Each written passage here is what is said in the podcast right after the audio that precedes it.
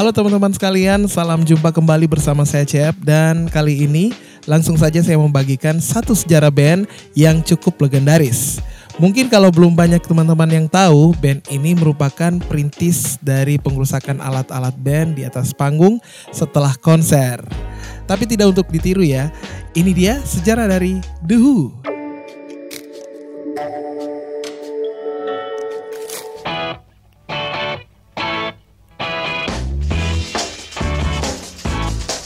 The Who adalah grup musik rock Inggris yang dibentuk pada tahun 1964 dengan formasi utama yang terdiri dari vokalis Roger Daltrey, gitaris Peter Townshend, pemain bass John Entwistle, dan pemain drum Keith Moon. Mereka dikenal dengan konser-konser yang energik, termasuk perintis pengerusakan alat-alat band di atas panggung. The Who telah menjual lebih dari 100 juta keping rekaman, dan sukses menempatkan 27 single ke dalam urutan tangga lagu Top 40 di Britania Raya dan Amerika Serikat, serta 17 album dalam tangga album Top 10. Di Amerika Serikat, mereka pernah menerima 18 piringan emas, 12 platina, dan 5 multi platina untuk kelarisan album-album mereka.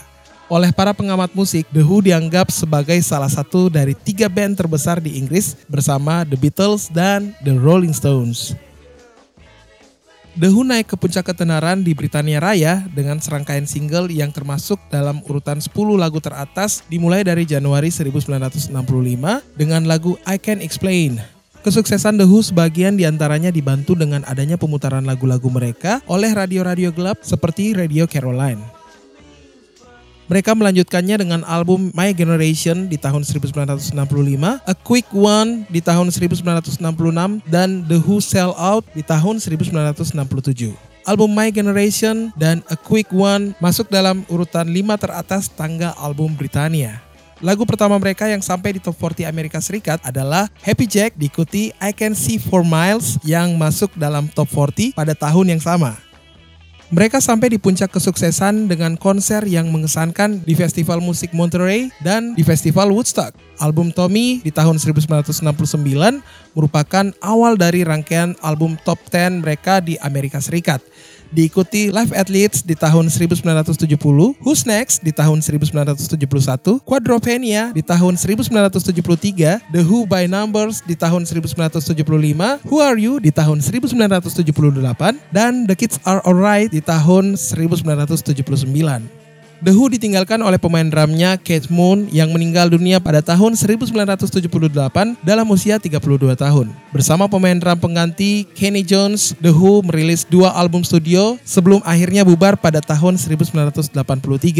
Album Fast Dances di tahun 1981 masuk di urutan 5 teratas Amerika Serikat dan Britania. Sementara It's Hard di tahun 1982 masuk di urutan 5 teratas tangga album Amerika Serikat. Sejauh ini, mereka hanya melakukan reuni untuk peristiwa-peristiwa besar seperti Live Aid dan tur-tur reuni seperti tur ulang tahun ke-25 pada tahun 1989 dan tur Quadropenia di tahun 1996 dan 1997.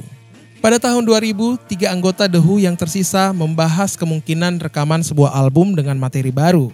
Namun rencana mereka untuk sementara batal akibat meninggalnya pemain bass John Entwistle di usia 57 tahun pada tahun 2002. Townshend dan Daltrey terus melanjutkan nama The Who dan mereka merilis album studio Endless Wire pada tahun 2006 dan masuk ke urutan 10 teratas di Amerika Serikat dan Britania Raya.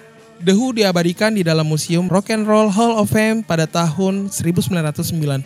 Pameran tentang mereka di dalam museum mengenang band ini sebagai penantang utama dalam pandangan banyak orang untuk gelar band rock terbesar di dunia mengenai masa-masa The Who sebagai kuartet harian Los Angeles Times menyebut mereka sebagai rival The Beatles, Bob Dylan, dan The Rolling Stones sebagai suara remaja dalam musik rock yang paling utama. Time Magazine memuji pada tahun 1979 dengan tagline tidak ada grup lain yang pernah mengeksplorasi rock sejauh itu atau menuntut begitu banyak darinya.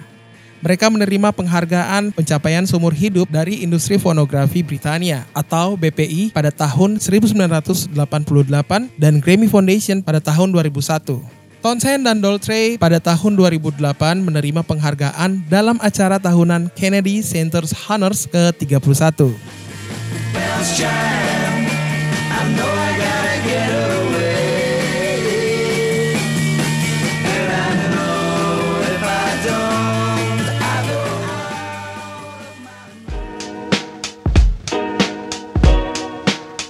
Baik teman-teman, itu dia sejarah mengenai band The Who. Terima kasih sudah mendengarkan podcast ini. Sebelumnya saya mau ucapkan minal aizin wal faizin buat teman-teman yang merayakan lebaran besok. Sampai jumpa di episode selanjutnya. Bye-bye.